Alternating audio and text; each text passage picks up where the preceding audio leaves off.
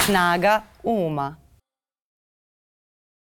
Dobar dan, dragi ljudi, dobrodošli u podcast Snaga Uma. Ja sam Miljana. E, danas se jako radojem e, što ću ugostiti javnu tužiteljku Bojanu Savović, ženu koja je tokom proteklih meseci, ali i godina i godina e, rada zaista postala neka vrsta simbola integriteta, profesionalnog javnog govora, jednog elokventnog izlaganja svega onoga što, što živimo i, i podsjećanja na, na vrednost vrednosti koje bi trebalo da se podrazumevaju odavno se ne podrazumevaju.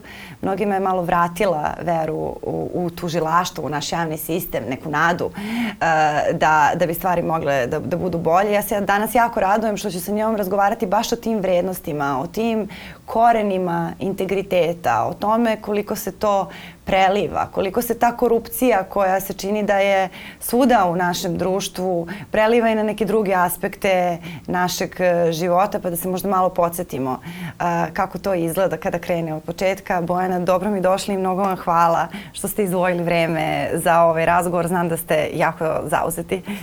Molim, moje zadovoljstvo. E, vi ste, nakon što ste prebačeni iz posebnog odeljenja za boru protiv korupcije, e, sada ste u odeljenju za opšti kriminal i znam da imate mnogo posla. Kako vam izgledaju dani prvo da, da malo krenemo? Koliko se stvari promenilo? E, pa nije se promenilo mnogo. Ovaj, slič, slično je kao nešto ne, po intenzitetu kao kada stradali u osnovnom tužilaštvu u smislu velikog broja suđenja u toku dana, dežurstva koje imate tokom vikenda, noću, taj neki intenzitet tih radnji je brži, ovaj, intenzivniji, zanimljivo je prija promena u odnosu da kažemo onaj rad u, u korupciji podrazumevao e, dugotrajno čitanje dokumentacije, e, nedeljama, mesecima spremenje samo jednog predmeta. Ovde je nekako intenzivnije, brže se sve to dešava i, i zanimljivo je. Zanimljivo je. Da. A, e, sada, e, bilo je mnogo, mnogo reči o slučaju koji ste vodili vezi sa EPS-om i o svemu što je bilo, pa sada neću da, ovaj, da pravim preveliki uvod i da podsjećam na to. Mislim da većina ljudi uh, zna i da većina ljudi ispratila ono što je novo je taj proglas uh, iza kog ste stali. Dakle, to je apel uglednih uh, ljudi, intelektualaca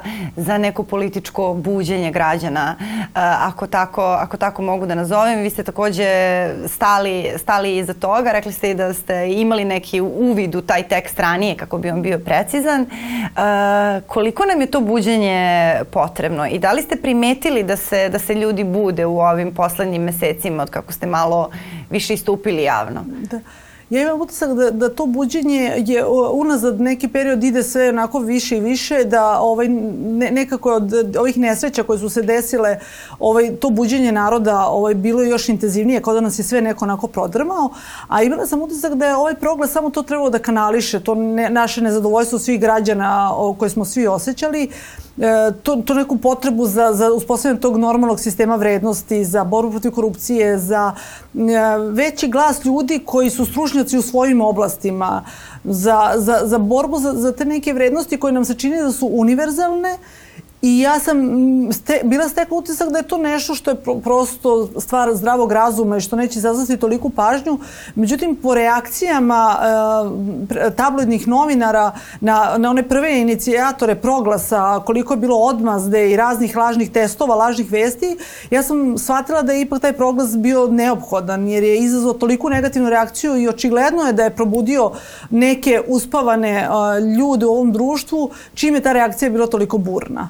A koliko dugo ta uspavanost e, traje? Konkretno, ajde, ako pričamo o tužilaštvu, meni se nekad čini da kada govorimo o tom državnom aparatu, tu mislim i na policiju, čak i u zdravstvu možda, ali iz nekog drugog, iz nekog drugog ugla, kao da je lenjost kod nekih ljudi e, plodno tle na koje se onda vrlo lako nasloni ta potkupljivost. Jer ti kada si, kada si lenji, onda malo tu postoji ta neka sklonost e, e, prečicama, e, da će onda to mnogo pre da se desi. Jer to je ispravan utisak. Pa ja mislim da jeste.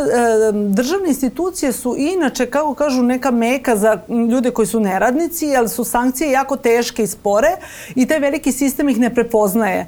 A opet sa druge strane ne ume u dovoljnoj meri ni da nagradi ljude koji iskaču iz tog sistema, koji prekomerno rade, koji rade baš da pokriju sve te neradnike koji, im, koji bi možda u nekom privatnom sektoru sigurno bili mnogo više istaknuti i nagrađeni nego u državnom sektoru.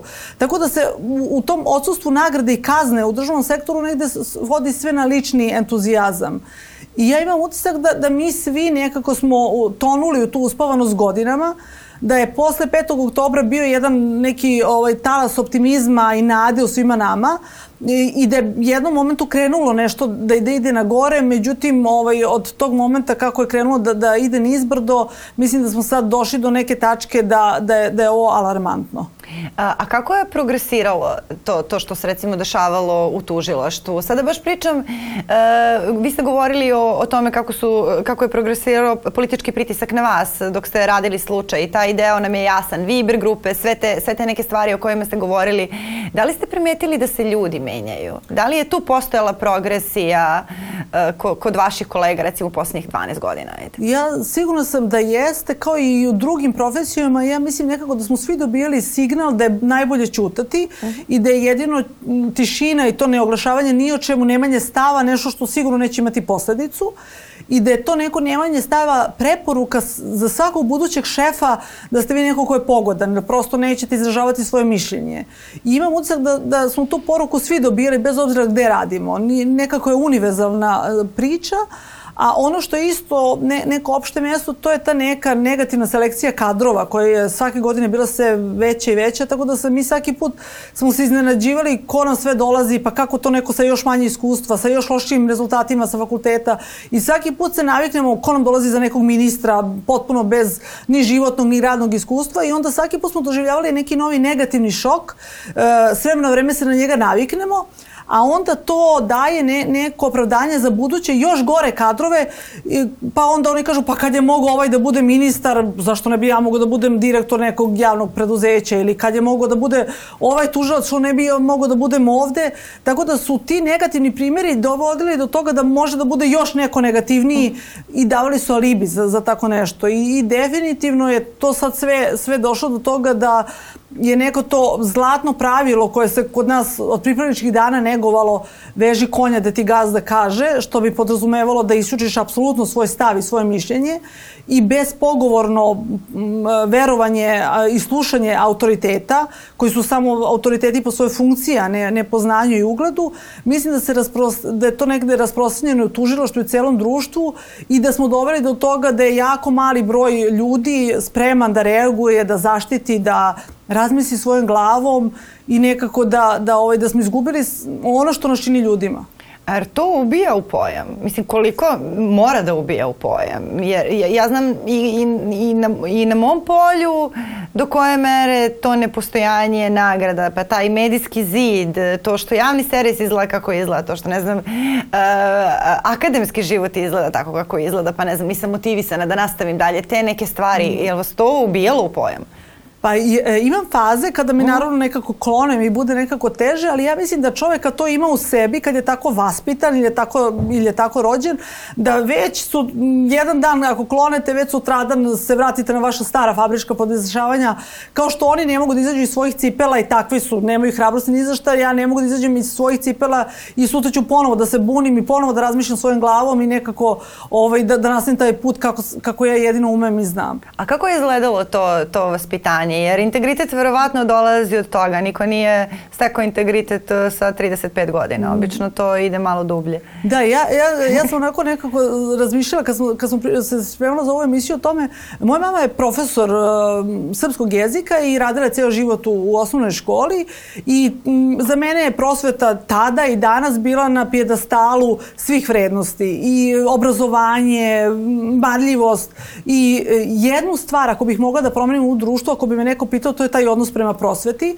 Ovaj, e, način na koji su oni sada poniženi, ne samo finansijski, nego um, od, od strane roditelja, od strane administracije iz ministarstva, od strane direktora, taj neki njihov stav nekako i sad doživljavam kao neke heroje koji zaista čuvaju onako zadnju branu na, našeg društva. Mislim da bez tog obrazovanja zaista i oni koji u tim groznim uslovima sa malim platama i dalje odlučuju da budu profesori, ja im se iskreno divim, jer to, kažem, to su bile neke vrednosti, moje obe tetke su isto radile u prosveti, jedna je predavala u gimnaziji, druga je radila u medicinskoj školi i to je jedan deo moje ličnosti gde, je obrazovanje, gde je taj sistem koji mora da se poštuje i koji dan danas bespogovorno negujem kod moje dece da se škola poštuje, je jedna strana moje ličnosti.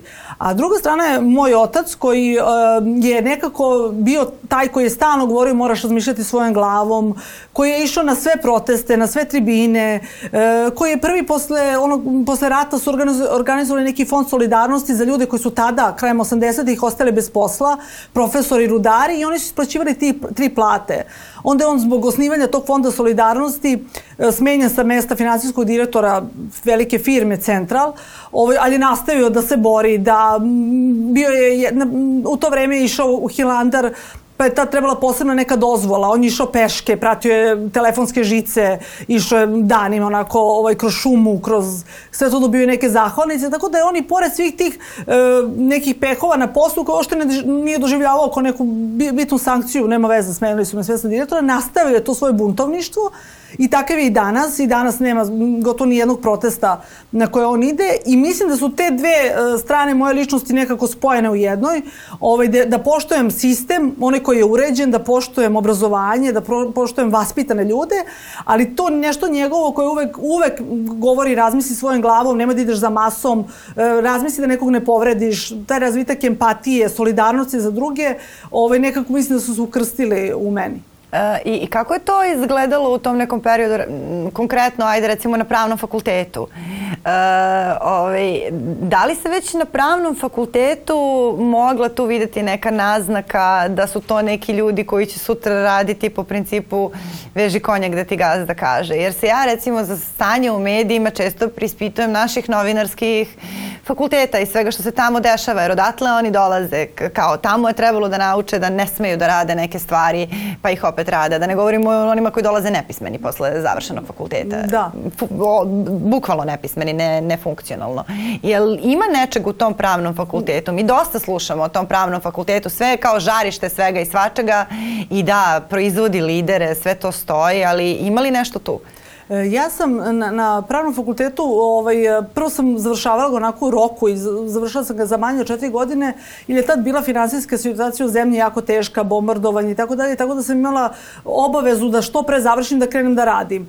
A sa druge strane, ja sam na fakultetu bila član debatnog kluba, I ja sam već tuda učila da čujem dru argumente druge strane, jer on je funkcionisao po principu da dobijete jednu tezu i da vi dobijete da branite za ili protiv. Nije bilo važno da li se vi sa tim lično slažete i bilo je jako dobro čuti za, po pitanju bilo koje teme da postoji jako dobri argumenti i za i protiv i razmisliti i opet uključiti svoj mozak.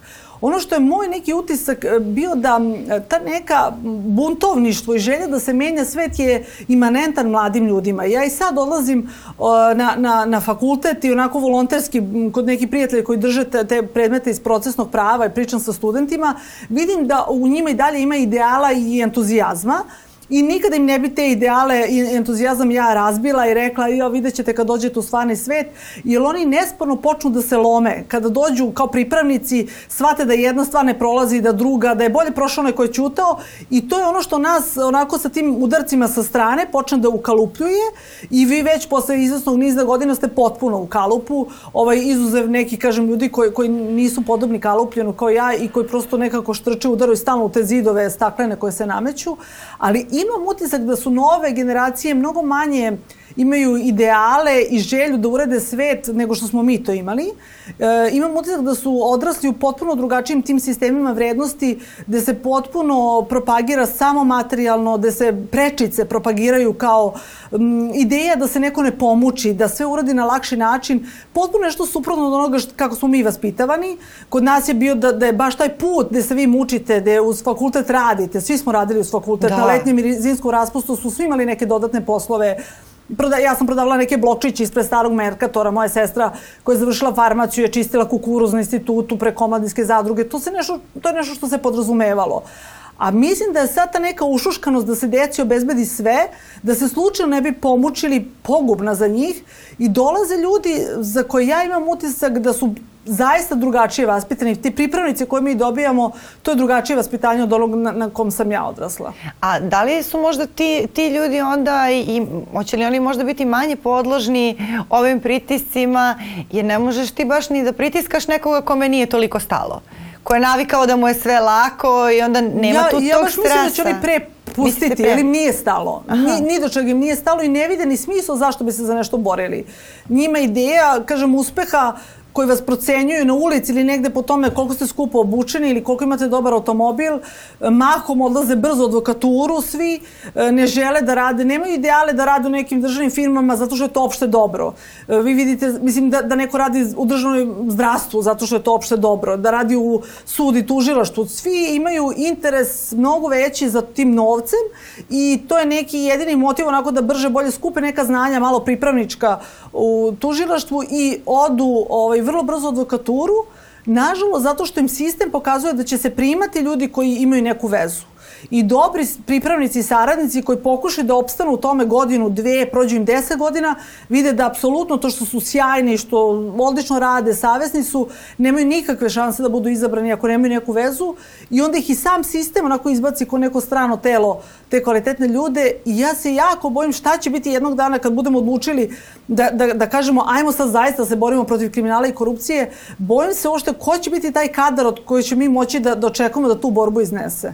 Da, mislim da to za većinu, većinu sfera, da, da isto važi i za da. prosvetu i za zdravstvo, I za zdravstvo da je, je ta neka demotivacija yes. baš ogromna. A, a da li mislite da ta, ta generacija koja sada, ne znam, raste uz TikTok, koji opet namećete ozbiljne neke materijalne standarde, e, e, da li će ona moći da se vodi time da je srpski san to državni posao, još ako je to državni posao, ne znam, plata 100.000, da je to dovoljno. Jer meni se čini da je njihovi njihovi uzori, njihovi ideali, kakvih 100.000, 100.000 da. evra, a ne da. 100.000 dinara. Da, da, sigurno. Ove, ni, ništa, ništa bez Ferrarija, malte ne. Da. To, je, to je takva jedna ekstremna ovaj, e, propaganda materializma yes, u stvari. Yes. E, kako, kako to izgleda kada, kada razgovarate sa mladim ljudima? Tu verovatno su isto krajnosti ili ili. Ja mislim da, da, da oni su, kažem, skoro gotovo izgubili te ideale da rade nešto za opšte dobro. E, kogod dođe u državnu firmu, bilo da je to tuži tužilaštvo, sud, zdravstvene ustanove, e, on, mo, on pristaje, mora da pristane da neće nikad biti bogat. To je nešto što je sa čim ulazite i jako je pošteno da to sa sobom raščistite. Ako vam je interes da se obogatite, nemojte ulaziti uopšte u državne institucije. To nije mesto da bi trebalo da se obogatite. Mislim, u nekom privatnom sektoru da, nažalost u nekim našim javnim preduzećima i na tim mestima korupcije da. postoje pojedinci koji su i kroz državni aparat i kroz javno preduzeće uspeli da se obogate, ali to su anomalije. To zaista treba biti i velika većina ljudi mislim, vi, vi možete pogledati vozni park oko, oko Palate Prado, oko nekog javnog preduzeća. Prirodno je da tamo vidite i stare automobile i sve. Ko ima nešto mnogo veće, to je nekako već znak pitanja, neka ono red flag, onako već vam privlači pažnju. To je nešto što nije prirodno. I ne znam, mi smo, um, izgubili smo kako su nekada bile radne akcije i ne, da radite nešto besplatno za vašu državu, za vašu kraj, za zajednicu. Uh, mislim da je to nešto što smo mi potpuno izgubili i da ja, ja i danas e, teram decu da pokupe smeće iz cele ulice, pa ih ja častim, ja i prijateljicim kupim kad su bili manji po sladoled ili nešto.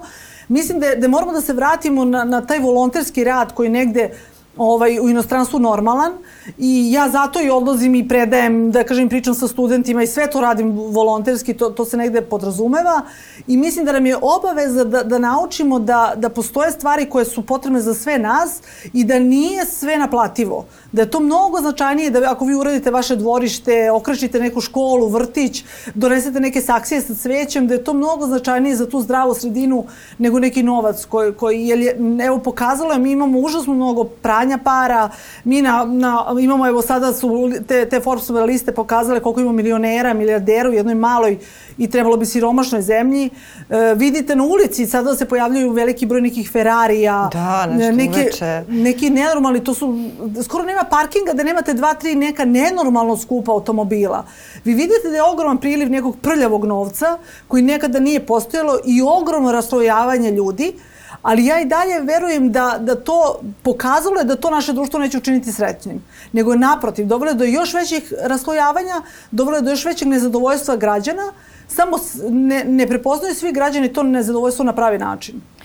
Uh, meni je zanimljiv vaš uvid uh, u tu neku koruptivnu sklonost koja postoje, jer ste bili dugo u tom posebnom odeljenju za borbu protiv korupcije i nije taj slučaj koji, koji je bio sporan jedini na kom ste da. radili. Radili ste na strašno mnogo slučajeva i manjih i, i, i većih. Uh, da li mislite da smo mi kao društvo skloni korupciji od drugih? Jer to često, meni, često sam kroz razgovore i ovde ljudi kažu to je nama još od Turaka, mi smo tada navikli da kao zakinemo jer to nije išlo za nas i onda se to kao nastavilo. Uh, to, to je neka, da, da. Ne, neko narodno objašnjenje ovoga što nam se dešava, da smo duboko korumpirano društvo. Kako vi vidite te uzroke i posledice kod ljudi koji reše da... Da, to su te teorije, da li, pri, da li prilika stvara kriminalca. Da, da. Ja verujem da, da smo mi više plodne uređenog sistema i prilike koje se pruža ljudima da, da taj sistem uh, opljačkaju. Uh, ja, kad, dok sam radila u odeljenju za borbu protiv korupcije, videla sam u koliko javnih preduzeća ili nekih državnih firmi vlada potpuni haos. I mislim da to vlada potpuno smišljeno. Ne postoje pravilnici kojima se jasno uređuju neke procedure, način iznošenja dokumentacije, način e, poslovanja i onda kad vidite da postoji neki, neki manjak, neki višak novca, neke nepravilnosti, ne možete ni jednom konkretnom licu to da prikažete jer je tu je sveopšti haos. Lovomutno. Apsolutno. Vi mm. vidi, nemate evidencije, ne znate ko je juče bio, ko je tu radio, ko je bio zadužen s tim. Pa nemamo mi te pravilnik ili to nije uopšte regulisano ni jednim aktom, to ne znači da je zabranjeno. I uopšte ta jedna anarhija u svakom i javnom preduzeću, tu, tu najviše spominjamo, tu imamo po, po pravilu najviše novca, I ja verujem da kada bi i ljudima u inostranstvu dali te prilike da, da rade i žive u jednom potpuno neuređenom sistemu i da mogu da uzimaju taj novac i da kradu bez posledica, pošto se to kod nas dešava u najvećem broju slučajeva, ja verujem da bi i oni vrlo lako bili iskvareni i polakomili se negde. Pre verujem da je to neka ljudska priroda. Pa dobro da, ali mi smo i navikli na to da se to da. tako da. nekako, da, da, je, da je sve u haosu i da kao ajde ako ne uzmeš ti, uzet će neko, neko drugi. Da. I da je to varenje kao neka pobeda si, ti si kao nešto sad učario, nešto si za sebe se, ne znam, izborio. Da. Ne znam koji je to. Mislim, ja ne bih mogla da spavam. Baš sam pokušavala da zamislim sebe u toj situaciji, jer uvek kad je nešto tako kao, da. hoću da razumem osobu, ja ne bih mogla da spavam. Ja, da, ja ne znam, ovaj, možda, možda i neke velike sredine nose tako nešto. Ja verujem da u nekim manjim sredinama je taj moral i dalje nekako čvršći I tu se zna još uvek ko su vam roditelji, šta ste vi radili, da ste bili dobri, da ste loši i mislim da taj neki uticaj manjih sredina e, se u Beogradu izgubio. U Beogradu imate nekog pedofila koji kad izađe iz zatvora, on je dovoljno da promeni blok u kome živi njega već niko neće u novom kraju znati. On će u tom novom kraju moći da bude potpuno ugledan građanin. E, to je nešto što veliki grad nosi. E, ja sam sa druge strane odrasla u Zemunu, ovaj, e, meni su tu e, došli baka i deka posle posle rata. Tu mi je rođena istoj adresi gde ja živim, rođen je moj otac, rođene smo ja i sestra, rođene su sad tu moje deca, neka četvrta generacija. Tako da sam ja u toj ulici gde se mi već četiri generacije znamo, tu se nekako isto vodilo jako računa, da li ćeš se svakom komšiji javiti, šta ćeš uraditi. I dan danas sve te komšije mene znaju, znaju mog oca, znaju moju baku i deku i vrlo bi mi bilo neprijatno da me neko smatra na taj način snalažljivom osobom, ali da znaju da sam korumpirana, jer radim u nekoj državnoj firmi i ne bi trebalo da imam neke novce i da letujem i zimujem i da vozim neke automobile. I mene ovaj, nekako još uvek drži taj neki taj moral koji je čini mi se prepoznatljiv i dalje verujem da je obraz jako važan. Uh -huh. Moje deca su jako ponosna na mene, ja moje roditelje nisam obrukala, oni su ponosni na mene, moje sestra, familija, svi s ponosom govore da sam ja njihova sestra, prijatelji to govore i nekako ja zaista, meni to prija, meni je to važno, meni je to mnogo važnije nego svi, svi automobili koji oni voze, pozvaćeni Ferrari, me, mislim, i moje deca se druže sa decom nekih i političara koji se deca stide, stide se svojih roditelja, E, i pored svog tog materijalnog bogatstva. I ja nekako mislim, moje deca bi se mene stidela. Tako su vaspitana i to, to se već prenosi iz generacije na generaciju i ja nekako sam srećna što sam izabrala ovaj put. A, ovo sada što ste rekli da, da, da ih se deca stide, to sam želela baš da vas pitam.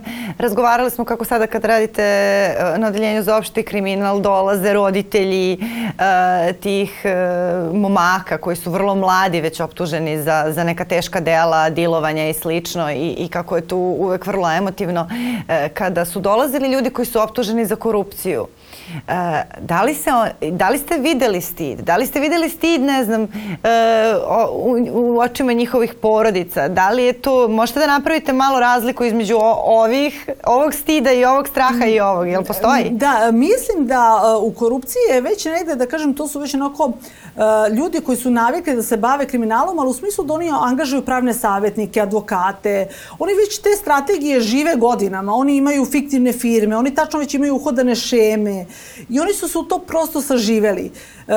Vi e, često vidite neki drugu stranu njihovog života, e, vi često slušate njihove razgovore, imate fotografije gde su sve radili, a s druge strane dolaze, na primjer, žene koje ne znaju da on paralelno vodi trostruki, četvorostruki život.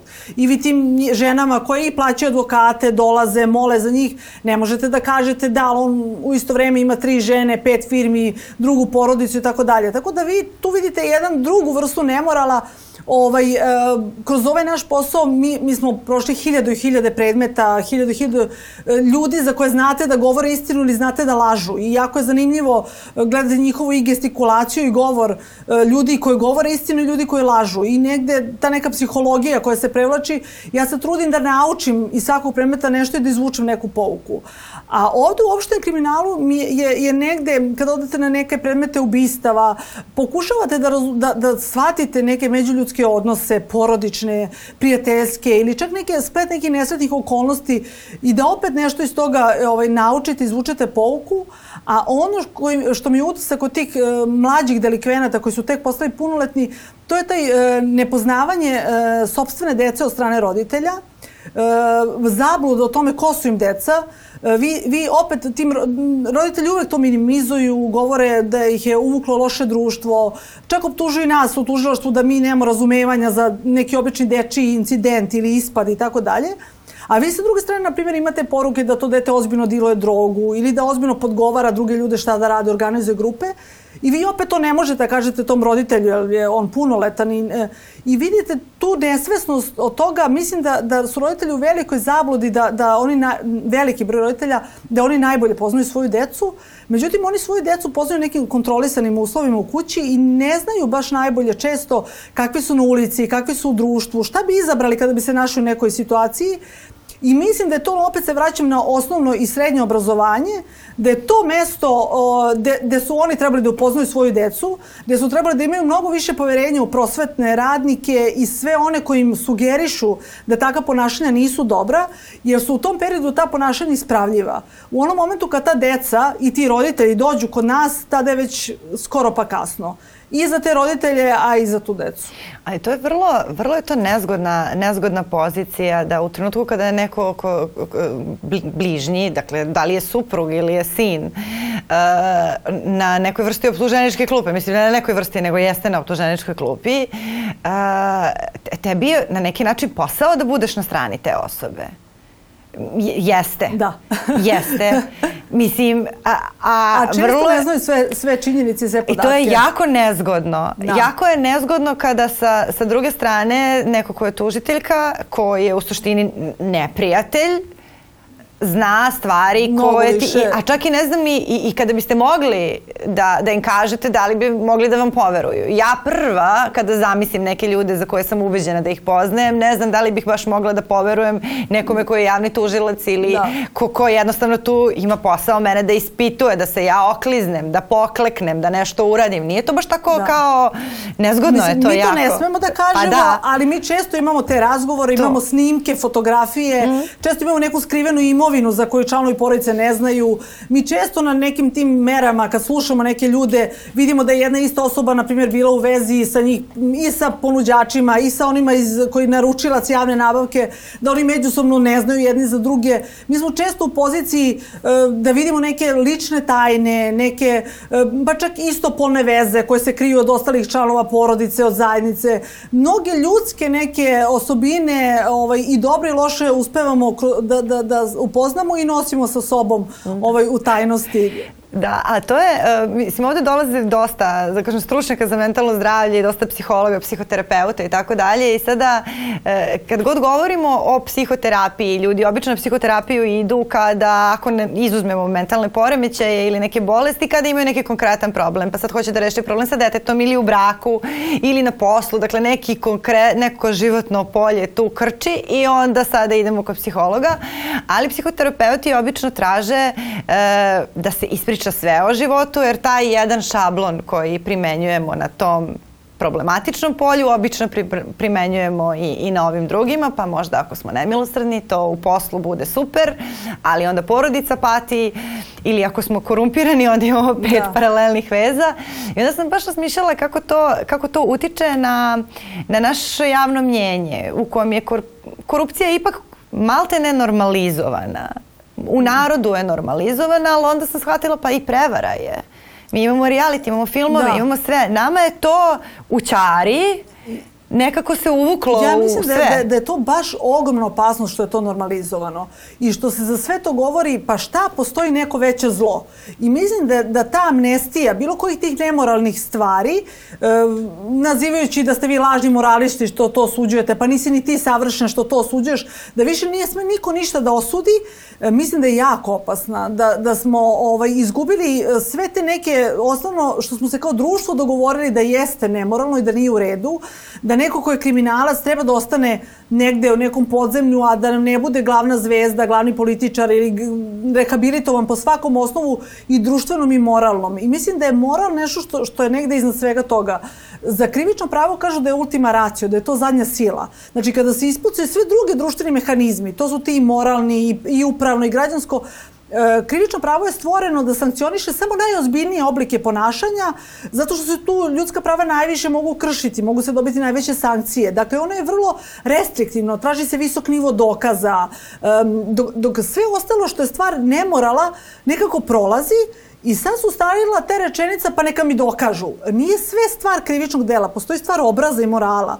I negde u nekom uređenom demokratskom svetu, ako je neki ministar ili neki političar uhvaćen u nekim nemoralnim radnjama, ne mora da bude osuđen za krivično delo ili da se to dokaže. Nije to jedina stvar. Kao da je to pitanje morala i obraza se više uopšte ne postavlja. Jest. Nego se samo dokažite mi. Dokažite mi krivično delo. A to što ste radili neke nemoralne stvari, pa, pa ste, krivično pravo ima mnogo nepravičnih instituta. Vi imate institut zastarelosti. I vi, na primjer, ako vi imate sve dokaze da neko izvršio neko krivično delo, ako je ono zastarelo, vi ne možete da ga gonite. I to je jedan prilično nepravičan si, uh, institut, ali on skroz u skladu sa zakonom. I to ne znači da ta osoba to nije uradila, naprotiv jeste, ali zakonski neće biti kažnjena. A to ne znači da ona ne treba da trži, trpi neke uh, socijalne i društvene posledice zbog svega toga. Jer prosto nek, negde javna sfera bavljenja i politikom i nekim javnim životom zahteva taj nivo moralnosti iznad puke osuđivanosti. Mislim, nekako yes. da niste osuđivani je minimum jedan društveni oko koje smo se dogovorili za neke funkcije i pozicije. Čak nazvalo za mnogo funkcija se to ni ne traži. Da ste bili, vi imate e, isto u krivičnom pravu institut brisanja krivičnih osuda. Znači, posle izvestnog vremena svaka krivična osuda se briše. Tako da on postaje rehabilitovan građanin isto kao i onaj koji nikad ništa nije uradio. Dakle, vi ako gledate čisto zakonski, negde smo mi i neko kome o, o, zastarela neka kazna ili izbrisana iz kaznane evidencije, smo negde zakonski isti, ali mi nikad nećemo biti isti. Ja sam sad skoro pisala u, u kolumni o tome, da malte ne da ne postoji predsednik u poslednjih 30 godina uh, ovaj, koliko se sećam, za kog nije u novinarskim, ovim političkim, gradskim krugovima uh, postojala priča da ima jednu ili 15 vanbračnih afera. Zaista, i vanbračne dece, i sve se zna, provereno i tako dalje. Nijedan, nijednom, nijedna od tih afera nije isplivala u predizbornoj kampanji. Čak ni kad su najprljavije predizborne kampanje bile, kad su vadili ljudima iz peta, znači, kad su izmišljali, znači, nikada se preljuba nije koristila kao argument protiv, između ostalog i zbog toga što to ovde malte ne da nije argument protiv. Da. Mi nemamo tu, tu tendenciju da kažemo, ok, ovo je čovek kom njegova rođena žena i deca ne mogu da veruju, znači on je svoju porodicu izneverio, šta mi kao društvo možemo da, da. očekujemo da. od njega. Ne, ovde se nekako ustanovilo to da opet ta, ta prekršaj morala, malte ne bi ga ljudi, ne znam ukoliko je ljubavnica lepa, tretirali bi ga možda kao uspešnijeg, možda bi mu to pre podiglo bi mu rating, da. to što on u stvari uništio svoju porodicu. I to je takav jedan paradoks da. koji je isto jedna vrsta korumpiranosti na drugom, na drugom nivou. Da, ja imam utisak, pošto mi svi negde u ovom gradu i srećemo te ljudi, vidimo sve to, a što kažete, toga nema u medijima, među te ljubavnice političara i nekih funkcionera, imam prvo utisak da postoji jedan džentlmenski sporazum između da. njih da to niko nikog ne dira. Čak ni da su pozicija ili opozicija, oni su u tom pogledu vrlo solidarni. Yes. I nekad neće izaći ni jedna fotografija ne, neko ko izašao sa ljubavnicom, iako ga ceo grad viđe da on bukvalno na sve proslave ide samo s ljubavnicom, a ženu odvede dva puta godišnje. To je jedna neka medalja te njihove solidarnosti, a druga je to što ste vi rekli, što, uh, kod nas u principu je veliki broj e, ljudi koji su na liderskim pozicijama u politici su muškarci. I njima uh, ta vrsta uh, preljube ili nečega bi bila pozitivna, A ženama i tekako vole da izvuku nešto iz, iz intime i za njih to nije tako. Mi kad smo da. imali neke različne sudije i evo bila je skoro jedna pokušaj jedne afere u tužilaštvu koji se odnosi na, na, na, na žene kada su nekim, nekim izdanjima, ovaj, da kažem nekim onako, ovaj, to se ženama ne prašta. I kad, da, biste, da. kad biste ženi našli tu aferu, sigurno sam da bi je to oblatilo. I tu ne bi bilo džentlmenskog sporazuma, tu, bi to bilo da, efikasno. To ovaj, se i tekako da. koristi ta neka ovaj, osvetnička pornogra, pornografija koju u svetu negdje kvalifikovana kao krivično delo i tako dalje, je prepoznata da, da ta ucenjivačka i osvetnička delo je samo na ženama. Žene može da oblati, a muškarcima prosto ne može ništa. Nedodirljivi su i kad biste ih slikali ovaj, mi svi po gradu, mislim da, da što kažete, dobili bi samo onako poen više. U, svaka mu čast, da. još ima mladu ženu pored sebe. Jeste, jeste. Ovaj... Ja mislim da zbog toga taj džentlmenski sporazum i opstaje, jer da je to neki zaista pravi adut. Mi svi znamo koliko te političke da. igre umeju da postanu prljave, iskoristili jest, bi taj adut. Jest. Nema teoretske šanse da ne bi da je to zaista nešto što može za, za ozbiljan procenat da obori nekoga ko je u voćcu. Tako, procenili ili... su da mu to ne bi naškodilo. Da, da, sigurno. možda bi naškodila neka istopolna afera. Da. Uh, ovaj nekom lideru, da. ali, ali ovako, iako je to zaista jedan najdublji oblik prevare ne, ne samo u tom nekom smislu, dakle to je urušavanje... Prvi, najintimniji, da. porodice, da. tu, tu ste već pokazali nešto. Urušite sobstvenu da. porodicu, šta, šta da očekujem da će da uradi da. od države? Mislim, sigurno ne mogu, ne mogu da očekujem da će mene da tretira sa više poštovanja nego svoju porodicu. Da. Ako porodicu tretira... Ja isto to smatram. Smatram mm. da je stvarno prevara u, u tim ne, nekim uvezama i brakovima koji su isto sada nekako sve dozvoljeno, pogotovo ako su slobodne žene sa muškarcem, to je njegov problem, on je, ona nekako je moralna, čista. Prosto nekako smo počeli da delimo tu moralnost na neke sitne linijice, da uvek nađete razlog zašto ste vi moralni i zašto je to sa vaše strane dobro. Ja zaista mislim da je, da je prevara i preljuba stvar morala, da nije uopšte bitno da li neko ima neku želju ili mu se ukazala neka prilika. E, kao i sve, pitanje je obraza i pitanje časti, jer vi to želite da uradite, ne, ne želite osobi s kojom imate decu ili porodicu, ili ćete se pošteno razvesti i raditi nekako ne, sve što je na belo, na čistini isterati. Nekako zaista ti ljudi nose jednu crtu nemorala, ovaj, iako je to u našem društvu poželjno. Da, i, ni, i uopšte ne postoji ta tendencija kao da to uopšte ne utiče na decu. Ajde sada kada su ljudi, kada ljudi nemaju decu pa mogu da imaju sporazume, dogovore, kakve god hoće, veze, kakve hoće, otvorene, zatvorene, monogamne, ovakve, onakve, to je jedna stvar, ali kada tu postoje deca, da, svaka prevara, sva, svaka, to, ne, to je nešto što uznemiri dom, potpuno naruši osjećaj emocionalne sigurnosti. Apsolutno. Utiče na, na, na razvoj, mislim. Jest, nije jest. to naivno naravna stvar, a uopšte se, uopšte se o tome ne govori i nekako sam baš, baš, baš sam povezala, baš kao na tim, na tim terapijama, kao neke dve sklonosti, jer mi sad imamo tu zadrugu gde ljudi jedni druge varaju, rasturaju sobstvene brakove, varaju se uživo u programu, tuku da. se, nema šta, nema šta ne rade, a onda... Proglašeni su elitom da. sada, sad su čak proglašeni elitom. A onda imamo neku političku elitu koja dolazi isto, govori neistine, malte ne kaže kao tona marihuane, pa šta? Mislim, da. to je isto kao normalizacija opet kriminala. Sve se nekako normalizuje. Da. I vi imate u mm. toj, toj Jovanjici ljude kojima je bukvalno život ugrožen. Da. E, zato što su pokazali, oni su opet neko koji iskočio iz sistema. Uh, oni su neko koje su zaustavili ljude koji su blinkirani, sa blinkerima voze automobil. To je bio prvi signal da oni rade nešto što ne smeju da rade. Oni su nakon pokazivanja službene legitimacije nastavili da rade svoj posao. To je već jedna linija red flag koju su oni prešli. Da. Kada su otišli na to imanje, oni su imali iskustvo, oni su znali da su zagazili nešto užasno ozbiljno i veliko. I pored svega toga odlučujete da čuvate to imanje sedam dana, odlučujete da pored pre, ozbiljnih proverenih pretnji na život nastavljate da to tvrdite, da idete da svedočite. To je taj neki jedan stepen morala i obraza da po cenu ugroženosti života nastavite da branite, branite vrednosti u koje verujete je nešto što je vredno svakog divljenja. Yes. I mislim da su nam jako važni pozitivni primjeri u društvu, u svakoj oblasti, jako su nam važni lekari, jako su nam važni prosvetni radnici koji, kažem im, pored svih tih uslova vole svoju profesiju, veruju da, da su oni ti koji su prvi koji formiraju tu decu, I e, potrebne su nam te, te le, e, uzori i lepe vesti. Desanka Maksimović ima divnu pesmu o tome e, da, da se zazvoni jednom na velika zvona o tim lepim vestima, o blagovestima. Mislim da nam je to jako važno da imamo pozitivne primere koji će nas, koji će nas baš pokazati da, da pored sve te zadruge i poruke koje oni šalju našoj deci, I nama, mi to ne možemo da izbegnemo. Vama ti likovi iz te zadruge iskaču na svakom portalu, šta god da čitate, morate znati barem 3-4 imena iz svake, svakog realitija.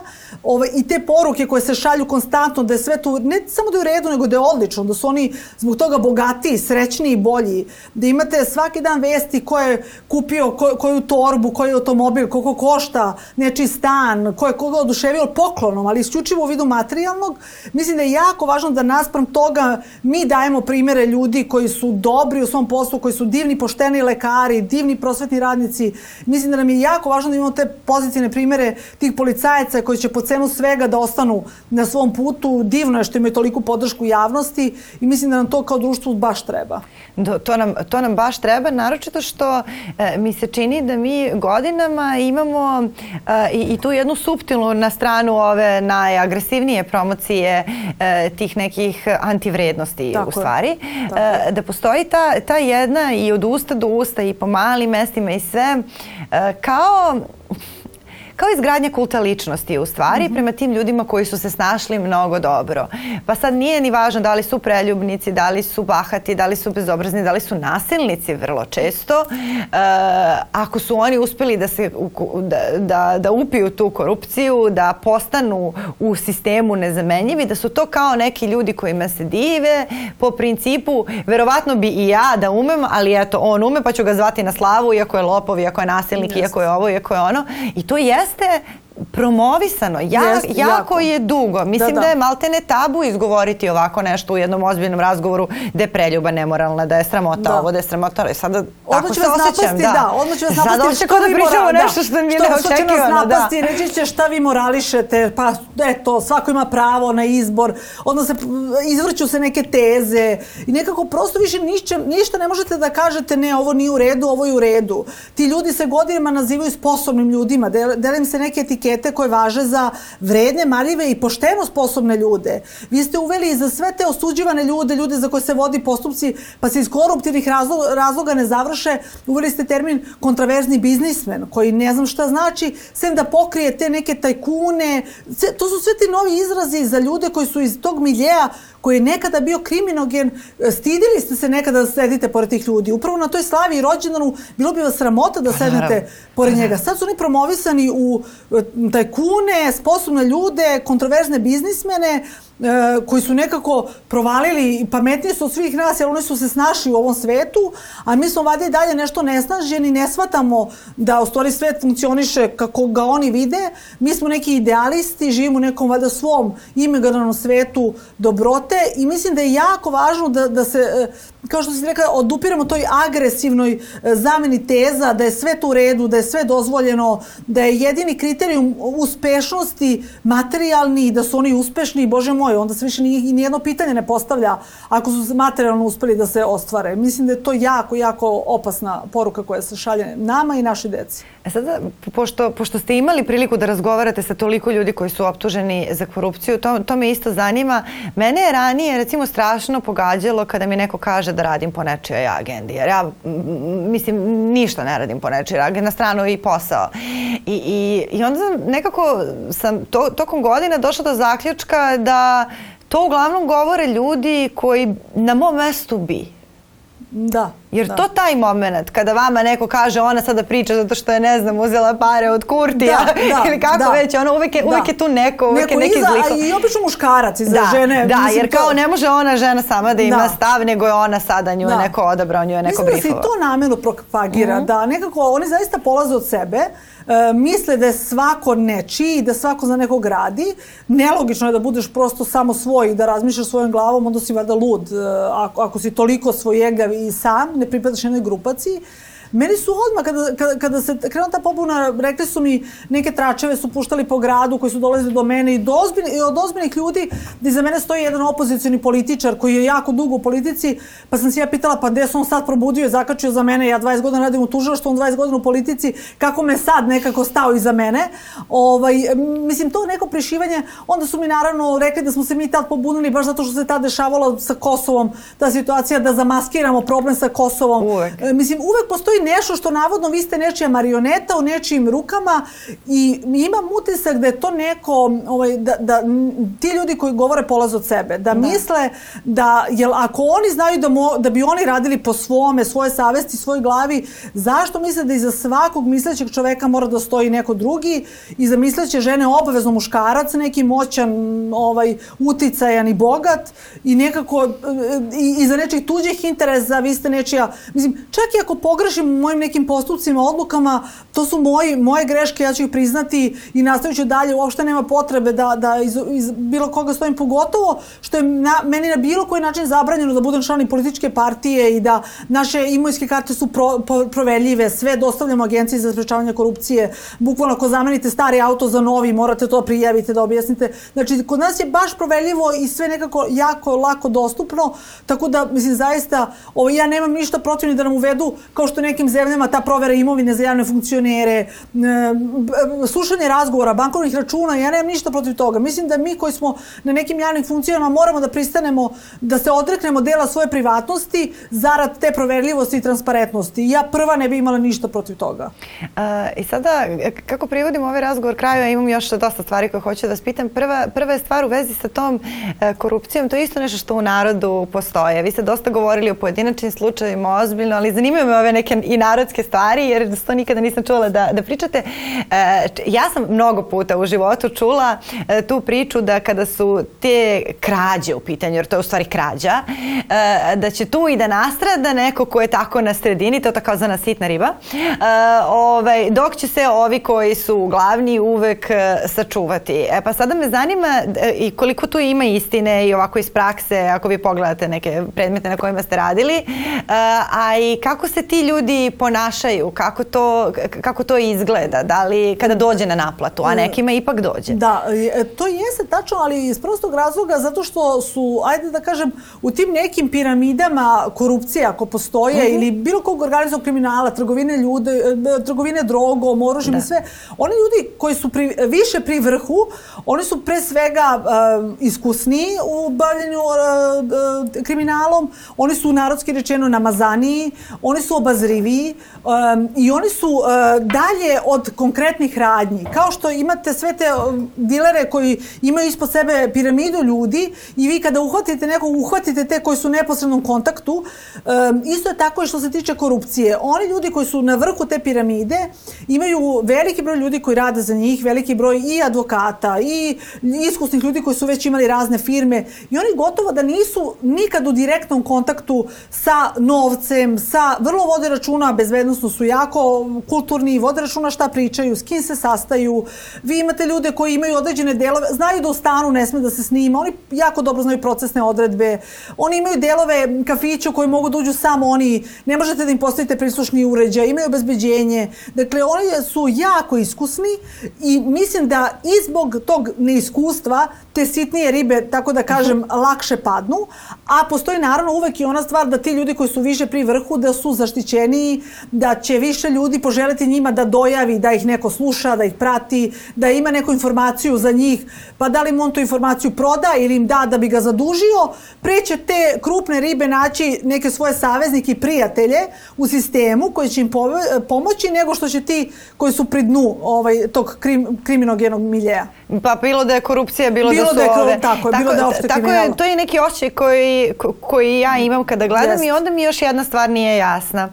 E, imamo mnogo tih ljudi po javnim preduzećima, imamo mnogo ljudi koji su sanjali malte ne taj neki državni posao koji se dobija preko, preko stranke u stvari, e, kako bi mogli ne samo da imaju taj državni posao, nego i da postanu deo neke šemice, jer to meni ne treba mnogo, ne trebaju mi milioni, ne trebaju mi zgrade, nego daj kao malo. Uh, kako se, ja bi se tek tad plašila.